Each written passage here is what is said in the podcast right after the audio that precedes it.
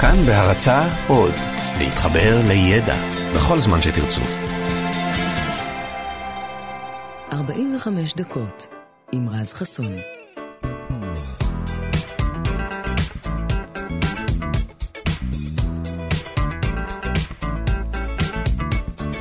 כאן תרבות, בוקר טוב לכם, 104.9, 105.3 FM. יום שלישי בשבוע גם, אנחנו עם אה, עוד 45 דקות מעניינות. אם אתם בדרך למשרד עכשיו, אז uh, בכל משרד יש את הפח הזה שהפך איכשהו לסל הקומתי הזה, נכון? שכולם זורקים אליו כדורי נייר כל היום? אז אם אתם יושבים ליד אחד כזה, זה יכול ממש להטריד, כי מי שמצליח להשחיל כדור כזה מרחוק, קודם כל מוודא שכולם ראו אותו עושה את זה, נכון? הוא ילך יום שלם ויסתובב, ויגיד, יואו, אתם ראיתם את זה? איך הכנסתי את זה לסל? יואו, זה היה מטורף, איך לא ראיתם? כי אם אף אחד לא באמת ראה... אז זה לא באמת קרה. עכשיו, איתי בעבודה עובד uh, בחור אחד בקומה שלא הפסיק לדבר על הכליאה הנדירה שהוא זרק לפח ממרחק של שבעה מטרים, והדבר היחיד שהצליח לסתום לו את הפה היה הסיפור על סימו איה, שאולי אפילו שמעתם עליו פעם בכינוי היותר מוכר שלו, המוות הלבן, כינוי לגמרי מוצדק למי שנחשב עד היום לאחד הצלפים הטובים בהיסטוריה אי פעם. אז לצלפים מצטיינים לרוב יש איזשהו רקע קודם בירי, אבל סימו היה בסך הכל עיקר מפינלנד שלא ממש התעסק עם רובים וכלי נשק לפני שהוא התגייס לצבא הפיני ב-1925. 14 שנים אחר כך פרצה מלחמת החורף בין פינלנד לברית המועצות, ורק אז התגלה הכישרון המדהים שלו. לאורך כל התקופה הזו הוא חיסל 542 חיילים רוסים בירי מדויק מרחוק בקליע אחד לאדם, שזו סטטיסטיקה מטורפת. אה, וזה לא שהיה לו רובה מתקדם מדי או כוונת טלסקופית משוגעת, נהפוך הוא. הוא השתמש ברובה מסוג M28, שהיה סוג של חיקוי פיני לרובה צלפים רוסי, וסירב אה, להשתמש בכוונת טלסקופית, שהייתה יכולה לנצנץ בשמש ולחשוף את מיקום הצלף, אז במקומה הוא העדיף כוונת אה, מתכת פשוטה כזו. ההישגים המדהימים שלו הטריפו את הרוסים שכבר לא ידעו כל כך מה לעשות איתו, חוץ מלהפציץ בארטילריה כבדה אזורים שבהם חשבו שהוא נמצא בהם. רק לקראת סוף המלחמה ב-1940 הצליחו כוחות רוסים לפגוע באיה שחטף כדור בלסת. אה, הוא לא מת מזה, הוא רק איבד הכרה לאיזה שבוע ימים, אבל אחרי שהוא החלים והמלחמה נגמרה, הוא עדיין נותר אגדה, וכששאלו אותו איך הוא הפך להיות צלף כל כך טוב, הוא אמר שהוא פשוט התאמן. לא ברור, מה, מה חשבתם? איך אפשר להפוך לצלפים טובים? אז אנחנו עכשיו יוצאים ל-45 דקות עם מוזיקה מהממת שערך לנו גדי לבנה, ירדן מרציאנו על התוכן, לי קוראים רז חסון ואנחנו פותחים שעון. 45 דקות יוצאות לדרך.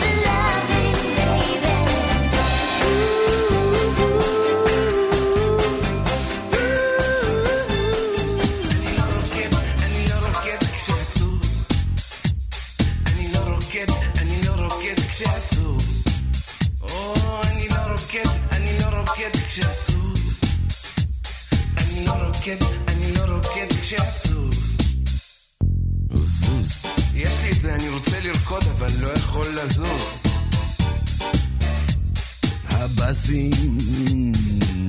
נמוכים 40 הרץ, אני מרגיש אותם בבטן, וזה טוב. תגיד, מה עם הווליום? פיצוץ! כמעט עפו לי האוזניים, שומעים אתכם עד סוף הרחוב. או, אני לא רוקד, אני לא רוקד כשעצוב.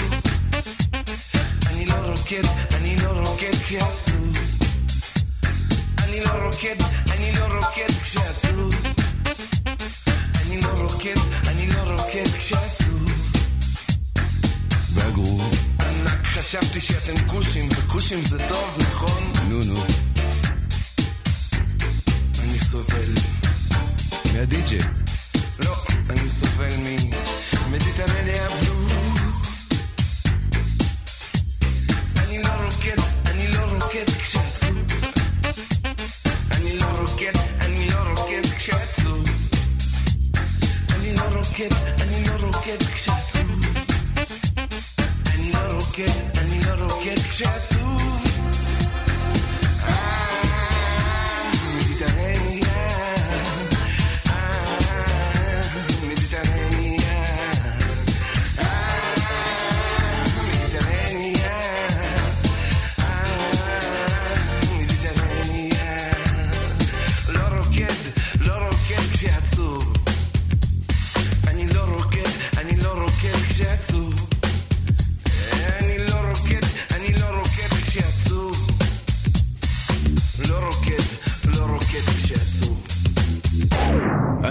שלו, אני מכיר אותו, קוראים לי לופי לופי לופי לופ. אני שומר עליו, והוא מוזר כזה, ככה, שתדעו. לשמור על בן אדם עם גופייה וזקן בן יומיים, זה מה שיש? שלא ייפול עליי, שלא ייפול על עצמו. שלא ייגמר לי, אני חבר שלו, אני מכיר אותו, קוראים לי לובי לובי לובי לובי לופ. אני שומר עליו, והוא מוזר כזה, ככה, שתדעו. לשמור על בן אדם עם גובייה וזקן בן יומיים, זה מה שיש. שלא ייפול עליי, שלא ייפול על עצמו. שלא ייגמר לי, שלא ייגמר לי, שלא ייגמר לי, אני לא רוקד, אני לא רוקד כשעצוב. שלא ייגמר לי, אני לא רוקד, אני לא רוקד כשעצוב. שלא ייגמר לי, אני לא רוקד, אני לא רוקד. אל תרקוד.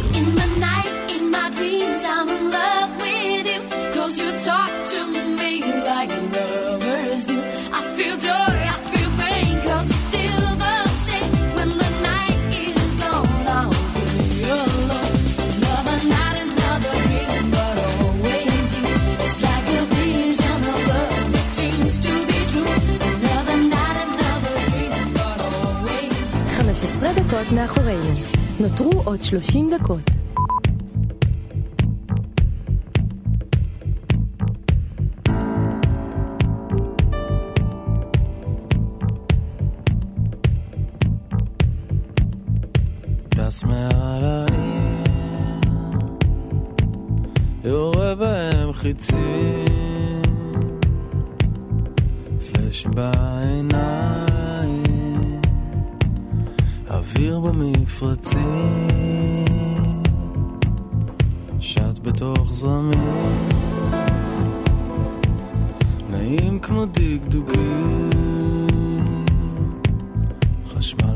שבאוזניים, או, צמרמורת עינוגים.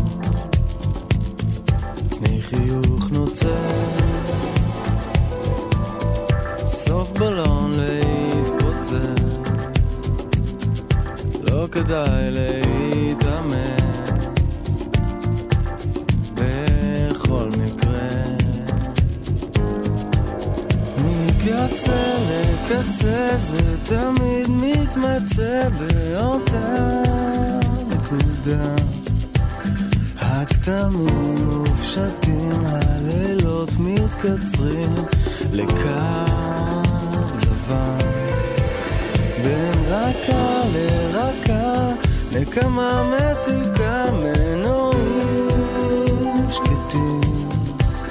רכבות של מילים חולפות כמו צלים מעליי ומעל העיר יאה לי באוויר מבליטה שדיים, מסתירה את הפנים. חמש עשרה דקות, צלמים ומאפרות, בסך הכל להיות אחת שיזכרו. מקצה לקצה זה תמיד מתמצא באותה נקודה. הכתמים מופשטים, הלילות מתקצרים לקו לבן. בין רכה לרכה, נקמה מתוקה מנועים שקטים. רכבות של מילים חולפות כמו צלים מעליי.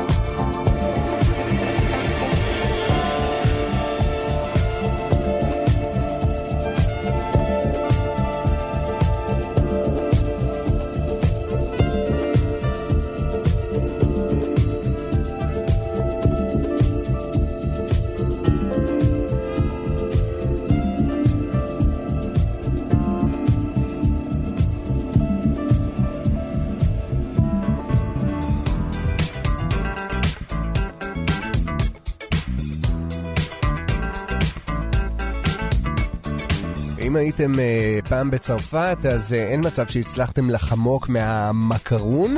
אה, לא, לא, לא מהנסים, מקרון, אני מתכוון לעוגייה הקטנה הזו, שצבועה בצבעי פסטל זרחניים, שרואים אותה בכל חלון ראווה של מאפייה בצרפת, אז אה, כזה. אז המקרון יצא מזמן מגבולות צרפת, ואפשר לראות אותה גם אה, בקונדיטוריות אחרות בכל רחבי העולם, גם בישראל, אבל לנצח היא תהיה מזוהה כעוגייה צרפתית. והעניין הזה הוא לא פחות ממחדל, כי המקרון הוא עוגייה, היא עוגייה שבכלל לא נולדה בצרפת. היא נולדה באיטליה, זאת האמת. ומי שהגה את המקרון היה קונדיטור איטלקי בשם מקרוני, כמה מפתיע. אה, הוא אה, הגה אותה בשנת 1533.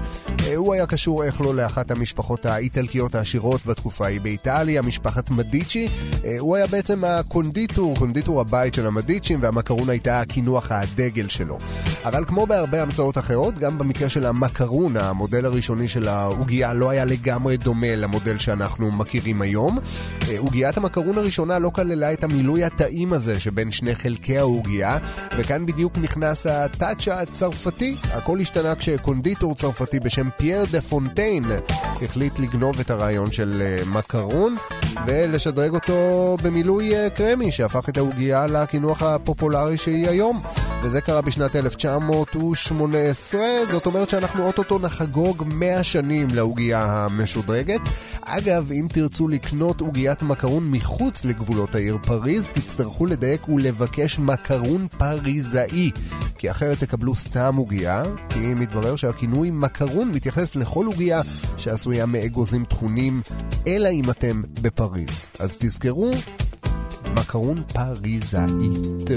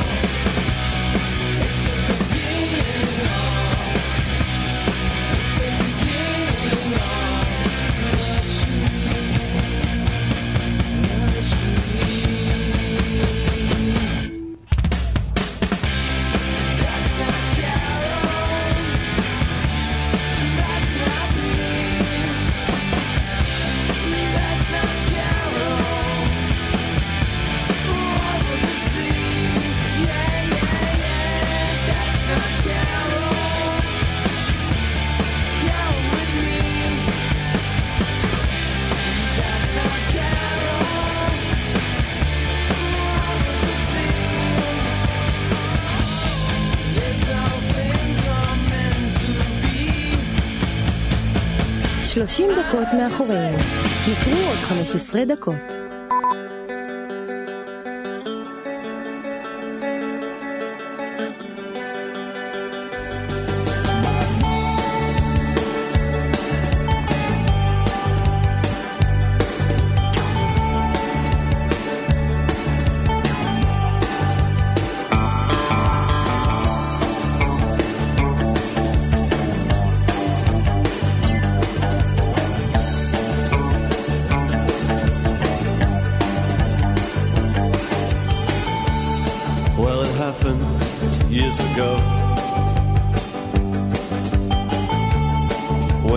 Stanhope Road.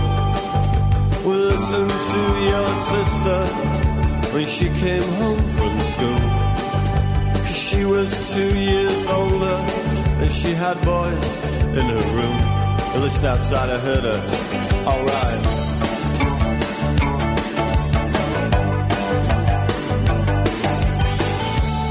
Well, that was alright for a while. But soon I wanted more. I wanted to see as well as hear, and so I, I hid inside her wardrobe. And she came home round four. And she was with some kid called David. And from the garage up the road, I listened outside, I heard her. Alright. I wanna take you home. I wanna give you children. You might be my girlfriend. Yeah, yeah,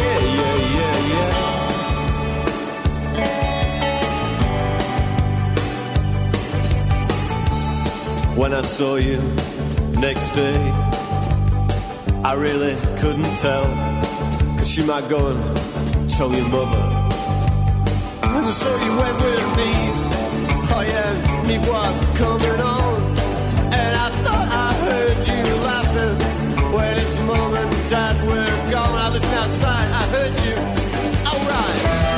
Oh, I wanna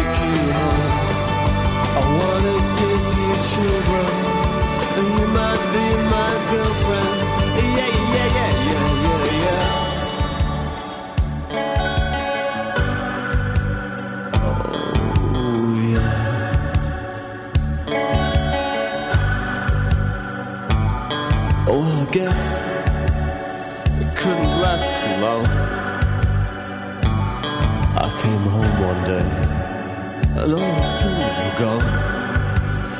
I fell asleep inside. I never heard her come. Oh, I opened up the wardrobe and I had to get it on. Yeah, oh listen. Oh, we were on the bed when you came home. I heard you stop outside the door.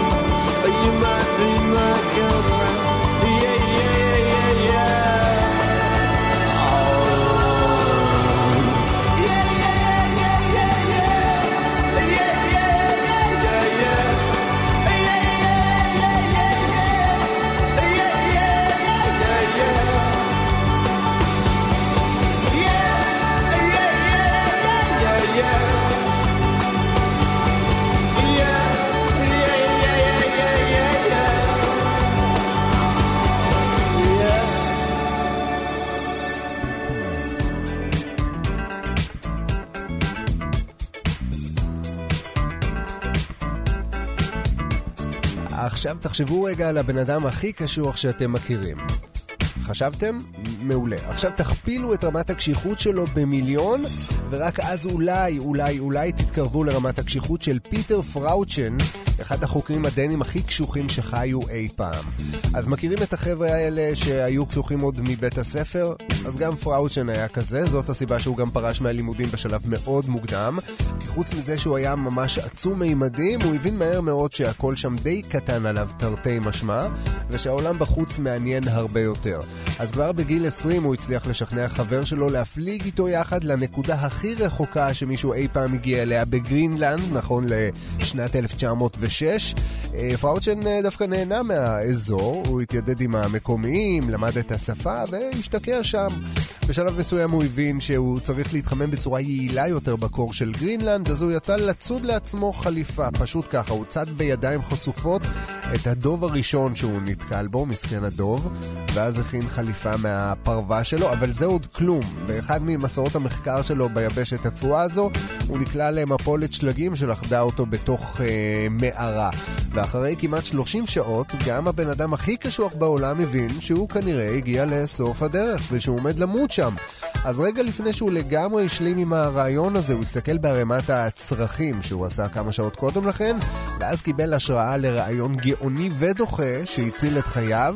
אה, מבלי להיכנס ליותר מדי פרטים, אני אספר לכם, הוא פשוט חצב לעצמו סכין כזו מערימת הגללים הקפואה של עצמו, ובעזרתה הוא הצליח לחפור את אה, דרכו החוצה, מחוץ למערה.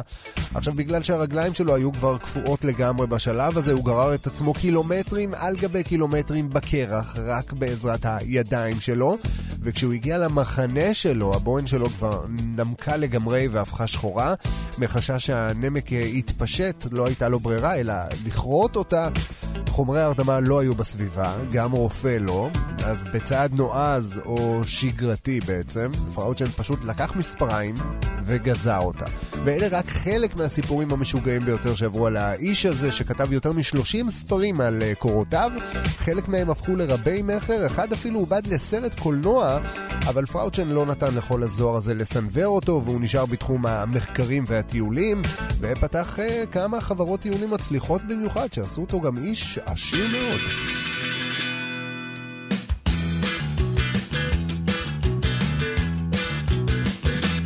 אמרה אצלי, זה יהיה נחמד. את צ'רניחובסקי של חמש, תבוא לבד. אני לא מוצא, אני לא מוצא. התיאור שלך לוטה בערפל, לא צריך להתנצל. אה, חכי לך בשדות. כן, העיר גדולה, זה אותי מרשים. אך לחצות אותה זה כמו לחרוש בשדה מוקשים. ואני רוצה, ואני רוצה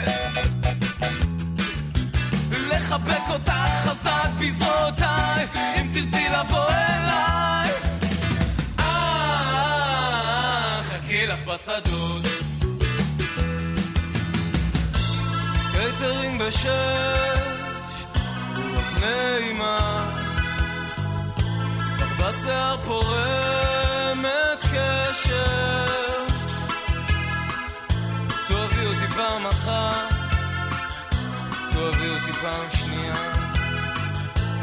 כי הכל יהיה בסדר.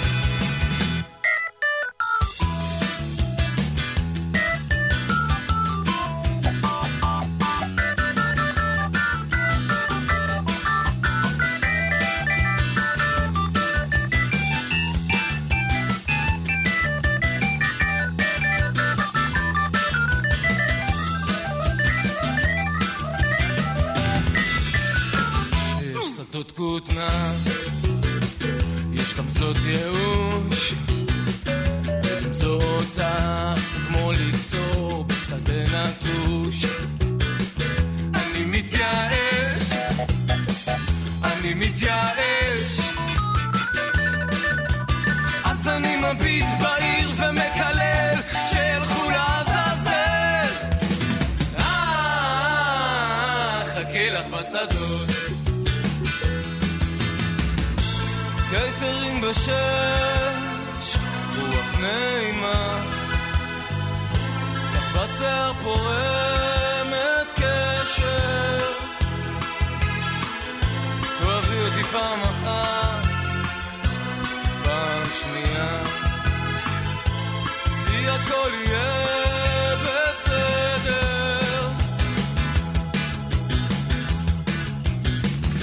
היא אמרה אצלי זה יהיה נחמד.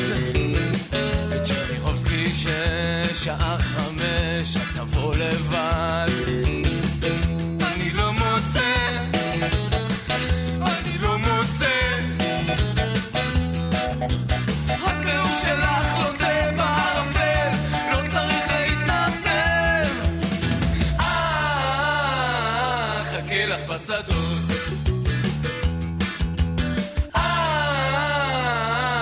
אה, לך בשדות.